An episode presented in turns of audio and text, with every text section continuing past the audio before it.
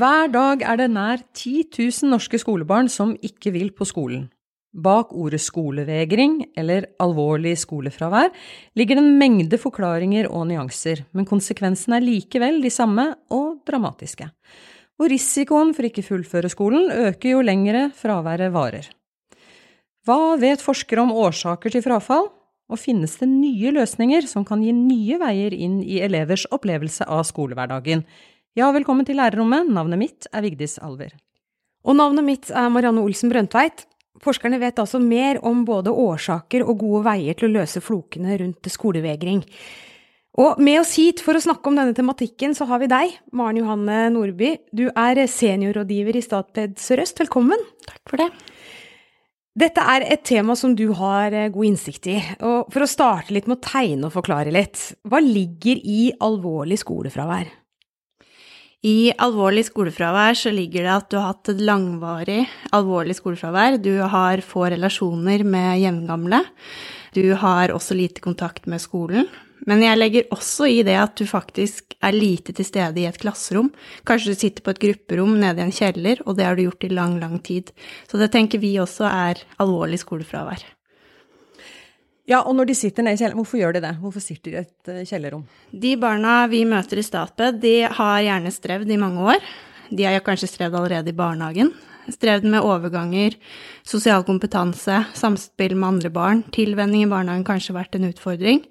Og det fører de også med seg over i skolen. Sånn at de starter like forventningsfulle og klare på, på skolen som andre elever, men klarer fort ikke å være i klasserommet og syns at det er forferdelig å være der inne. Da blir ofte løsningen at de blir plassert på adhoc grupperom rundt på skolen. Men hva, hva, vet vi om hvorfor så mange elever har eh, såpass høyt fravær på skolen? Altså, det bildet er veldig sammensatt. Eh, elever med alvorlig skolefravær er jo ikke en homogen gruppe. Der har du jo både elever som har eh, psykiske lidelser, fysisk sykdom, eh, store sammensatte lærevansker og um, opplevd mobbing. Så den er jo veldig sammensatt, den gruppa. Men akkurat de jeg jobber med, har gjerne ADHD, Tourette, autismespekterforstyrrelser, altså nevroutviklingsforstyrrelser, og gjerne tilleggsvansker som angst, depresjon, tvang, eh, svake relasjoner med jevngamle og har opplevd mobbing. Men når alle disse elevene beskrives i statistikkene, så er det ofte som en samlebetegnelse. Hvor bevisste er fagfolk og ja, politikere på de mange ulike årsakene som du lister opp her? Nei, jeg syns jo man er litt for lite bevisst på hvor sammensatt den gruppa er. Eh, og det vi ser, er at veldig mange kommuner jobber godt med skolefraværsproblematikken. De er gode på fraværsregistrering, og de er gode på generelle tiltak. Og man er også opptatt av at de skal raskt tilbake, og man sender bekymring hjem til foreldrene tidlig. Men allikevel så opplever vi at det er mange elever som faller igjennom og utvikler et alvorlig skolefravær. Eh, og det er kanskje fordi det er veldig mye universelle tiltak og programmer som retter seg inn mot elever, eh, som gjør at fortsatt så favner det ikke om de som har de store sammensatte utfordringene, da. Mm. Det blir for enkelt, mange av de tiltakene som settes i verk. For det er også blitt pekt på at frafallet som f.eks. skjer i videregående skole, kan vise seg som tegn allerede i grunnskolen, ja, til og med i barnehagen. Men eh, hva kan den enkelte skole og barnehage bli mer oppmerksomme på i tidlig alder? Hva er de tidlige tegnene? De tidlige tegnene er barn som sliter sosialt, som trekker seg unna, og barn som også viser utagerende atferd, barn som har store lærevansker, Barn som strever med overganger mellom bare garderobe og inn i klasserom, eller det å komme på skolen om morgenen, hvor foreldre rapporterer om at det er vanskelig å motivere barn å gå på skolen. Og vi har barn helt ned i første klasse som allerede da har utviklet et alvorlig skolefravær og er hjemme. Ehm, og da sier gjerne foreldre at dette har starta i barnehagen. Men er det noen elever eller elevgrupper som er overrepresentert i statistikken? Ja, eh, det er jo klart at elever med angstproblematikk går jo veldig igjen. Men det er på en måte én gruppe. De elevene jeg jobber med, har jo også angst, men de har ofte også tilleggsvansker. Så elever med ADHD, Tourette, autismespekterforstyrrelser og alle de tilleggsvanskene som det ofte medfører, er også overrepresentert i statistikken. Og det har vi også forskning på nå. Ellen Munkhaugen med flere gjorde en doktorgradsavhandling nå i fjor. Og da ser man at barn med autismespekterforstyrrelser viser så mye som elleve ganger mer vegringsatferd enn elever uten de vanskene. Hvorfor er det slik? Nei, det er jo barn som, som vi vet har lave Altså dirigenten i hjernen er svak, altså de eksektive funksjonene. Altså det å skape oversikt over skoledagen, det å eh, regulere emosjoner, det å mestre sosiale ferdigheter, både med jevngamle voksne. Eh, gjerne også tilleggsproblematikk som lærevansker, tvang. Og at totalen der blir stressnivået som de elevene opplever i møte med, med skole og barnehage, blir så høy at de vegrer seg mot også skolesituasjonen, men selvfølgelig også andre situasjoner. For du, Når du nevner da disse vanskene, mm. um, i hvilken grad ser skolen da en risiko for skolevegring, når de da skal på en måte gjøre skolehverdagen klar for denne elevgruppen? Nei, altså det er kanskje svakheten også litt med den gruppen her, at de fungerer jo ofte godt faglig. Eh, og at de, de, skal fungere i ordinær skole, de skal gå i en vanlig klasse, og så skal man se litt hvordan det går. Men det man ofte ser, er jo at det fort blir vanskelig, eh, og at det fort blir låst. Sånn at vi opplever jo kanskje at man ikke tar den forebyggende eh, arbeidet man må gjøre på alvor, da. Og da tenker jeg særlig på det med stress. At det er så mange faktorer disse barna har i livene sine som gjør at de har økt stressnivå, og dermed mindre rom for læring, og fortere på en måte går utenfor sitt vindu for læring og utvikling, da. Og funn i undersøkelser, som f.eks. Ungdata, viser jo at unges opplevelse av å ikke lykkes øker. Hva tenker du at dette har å si for tallene på skolevegring eller alvorlig skolefravær? Nei, når, de tallene blir jo igjen veldig store, og jeg jobber jo med en spesifikk eh, gruppe. Men hvis vi også ser på rapporter til Nav da, og ung ufør-tall, så vet vi at den kategorien som er tidlig ung ufør, og mest voksne grupper, er mennesker med autismespekterforstyrrelser og alvorlig ADHD og andre psykiske lidelser. Så vi vet også at på en måte de går tidlig inn i uførstatistikken.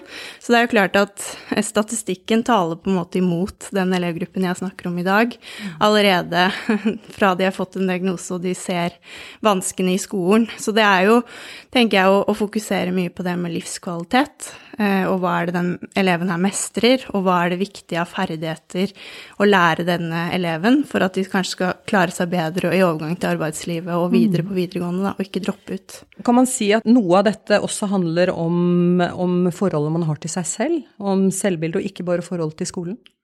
Det er, klart, ja, det er jo klart at de står jo en risiko på å utvikle angst og depresjon, som jeg har sagt tidligere, og det er klart at hele selvbildet ditt påvirkes av at det er så mye du ikke mestrer. Og så tror jeg at man har jo også veldig kategorien flink pike inn her, som selvfølgelig også gjelder gutter, men det er presset som unge i dag lever under med mye vurderinger, høyt krav, sosiale krav. Men det er klart at den gruppen jeg snakker om i dag, den, den er jo ekstra sårbar der, eh, og får ofte ikke til disse tingene. Mange av de jeg jobber med, er jo ikke på sosiale medier, for de klarer ikke den kommunikasjonen som, som foregår der. Men de er kanskje på en gamingplattform, og der får de til noe mer kommunikasjon med andre gjengamle, da som er veldig viktig. Og når det da har satt seg et mønster, da, og det er blitt en utfordring med skolefravær, du nevnte det tidligere, dette med kartlegging, hva ligger i det? Nei, altså når jeg tenker kartlegging her, så må man kartlegge veldig mye av trigger- og stressfaktorer i skole. Mange av de elevene har f.eks. sensoriske vansker. Det betyr at de var på lyd, lukt, berøring, smak. Og det er det jo mye av i et klasserom. Man, vår hjerne som ikke sliter med, klarer å filtrere ut den type informasjon. Men de barna vi jobber med, de blir også slitne og stressa av eh, alt det som foregår i et vanlig klasserom med 30 andre elever. Så det å kartlegge det med sensoriske vansker tenker jeg er viktig, og det glemmer man ofte. Eh, er å kartlegge relasjoner. Det er ofte barn som har dårlige relasjoner til medelever. Jeg jobber med en gutt nå, han går i 10. klasse og har ingen venner, og det har han ikke hatt på mange år. Og det er også et lite nettverk rundt familien. Så det, det, som på en måte går igjen veldig, er jo det med å kartlegge relasjoner, sensoriske vansker. Det med hvordan dirigenten fungerer i hodet. Eh, hvordan skape struktur og forutsigbarhet i en skolehverdag for et barn som har så store vansker. Og hvordan jobbe med spesifikke sosial kompetanse for det barnet. Du nevnte i eksempelet her eh, nettverk rundt familien. Altså, hva er foresattes rolle? Hva hva samarbeidet med hjemmet å si? Nei, det har jo alt å si. Men det vi dessverre ser da, når det har gått så langt at det ble henvist til Statped, er jo at eh, alle rundt barnet er ganske maktesløse. Konfliktnivået er ofte høyt. Eh, foreldre har opplevd at de har stått i denne kampen i veldig, veldig mange år og rapportert om bekymringen sin. Samtidig som det har vært mange flinke lærere inne og prøvd å gjøre en forskjell, men heller ikke kommet i posisjon. Og så har man gått til PP-tjenesten for å få hjelp, og så har det på en måte kanskje ikke skjedd en endring da heller. Så det som er veldig sånn gjenganger i alle de sakene vi jobber i, er at det er høyt konfliktnivå. Liten tillit mellom eh, skole og hjem, og kanskje også øvrige instanser. At alle føler på en maktesløshet og ikke kommer noe vei. Ja, Du nevner maktesløshet. Er det veldig typisk for foresatte å oppleve når det da kommer til å bli alvorlig skolefravær? Ja. Og det, det bildet er jo sikkert sammensatt. Altså det, det, er jo foreldrenes plikt å få barnet på skolen, men når du ikke har fått til det på mange år, så er det jo mye tabu og eh, at de er lei seg eh, for det, selvfølgelig. Mm. De har tapt på måte mange måter foreldrerollen sin. Men samtidig som at skole Vi setter jo en forventning til at barnet skal komme, og, og vi, vi peker da ofte på foreldre. Så glemmer vi det at det å være mamma og pappa til barn med så store sammensatte vansker er veldig krevende. Det er en annen mamma og pappa-rolle enn hva det er å være barn, foreldre til et barn som ikke har de samme vanskene. Så det å anerkjenne de foreldrene, og at de også har et for høyt stressnivå, og også tilleggsvansker gjerne, det har man en dansk undersøkelse på som har gått inn på foreldrebiten her, da, og de går jo ofte på må få støtte, de er sykemeldte, de har søvnproblemer selv. Sånn at det, det er så mange ringvirkninger her, da, rundt disse ungene som ikke kommer seg på skolen. Men hvis vi da kikker litt sånn opp og frem, da, mm. mot løsninger og kartlegginger og den slags, så har jo du sett en del på hva digitale hjelpemidler og teknologi kan bistå med eh, for å få disse elevene tilbake på skolen. Hva har du funnet ut? Nei, altså vi også, når vi kommer inn, så er det jo vanskelig for oss å komme i posisjon også. Eh, så det vi har sett, er jo at vi ofte må bruke ungdommenes egen arena for å komme i posisjon. Så det å få kartlagt, så må vi ofte inn på gutterommet og se de spille Fortnite for å først skape en relasjon. Og så må vi kanskje også drive kartlegging mens eh, ungdommen spiller Fortnite eller annen type spill. Eh, hvor vi da Jeg har skjønt det er mye pauser og sånn i Fortnite, sånn at man får liksom hull for å stille litt mer sånn krevende spørsmål, men bruke det som en arena både til å skape relasjon og få kartlagt, tenker vi er viktig. At man må være såpass fleksible rundt disse elevene for å få det tilbake. Men når det gjelder å få det tilbake, så ser vi også at man må tilby ofte noe i hjemmet. Der mener jeg der det har vært alvorlig lenge, og kanskje vært borte år. For at man skal skape relasjon, så må man inn på deres arena. Om det er gaming eller er klatring eller hest eller hva det er, så må man inn på den arenaen og skape relasjon. Og så må man prøve å skape læringsaktiviteter ut fra det. Hvordan kan man bruke Fortnite for å jobbe med begreper? Hvordan kan man Kanskje få interesse for koding hjemme. Kan man ta med mikrobit hjem for å lære gutten å, kode på mikrobit? Eh, for det, det, må jeg jo si at de fleste vi jobber med, er nå gutter, men det er jo klart at man vet at jenter også er underrepresentert i den kategorien jeg snakker om her, med ADHD, Tourette og autisme.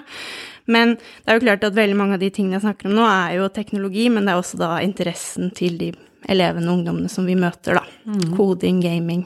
Ja. Du nevnte ADHD og autisme. Er det noen grupper av barn som det digitale vil kunne hjelpe i ekstra stor grad? Ja, altså Nå vet jeg Altså, vi vet jo at uh, generelt i samfunnet så er det jo opp mot 90% som spiller, og det er også Ungdata som viser. Og det er klart at det gjør også den gruppa her. Um, så det å uh, anerkjenne at de får sosiale relasjoner gjennom gamingverden her, og det er kanskje noe de får til, og det å da bruke det som en inngang, så tenker vi at det kan være fint. Men jeg har også brukt mye video for å skape struktur og forutsigbarhet. Det med å lage en presentasjon. 'Hei, jeg heter Maren, jeg kommer hjem til deg i morgen. Jeg skal være hos deg så og så lenge. Målet med det møtet er at vi skal gjøre sånn og sånn. Jeg gleder meg til å se deg i morgen.' Enkle videoklipp som man kan sende hjem til elevene. For det vi gjør mye, er jo å formidle til foreldrene. Eh, men så når ikke alltid den kommunikasjonen fram til ungdommen eller til barnet. Så det er også et tips til lærere, det å lage videoer. Og det kan man tenke både når du skal komme i relasjon til en som har vært borte lenge, men også for å på en måte få de tilbake til skolen. Filme fra klasserommet. Se, her er klassen din. Sånn sitter vi.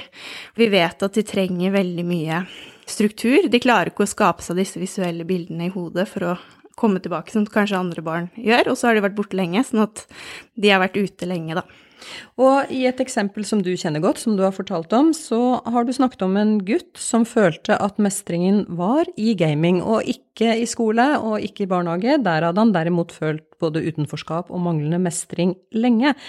Men de voksne rundt han de så på gaming som en årsak til fravær, og ikke en mulighet for å få han tilbake til skolen. Kan du fortelle litt om dette?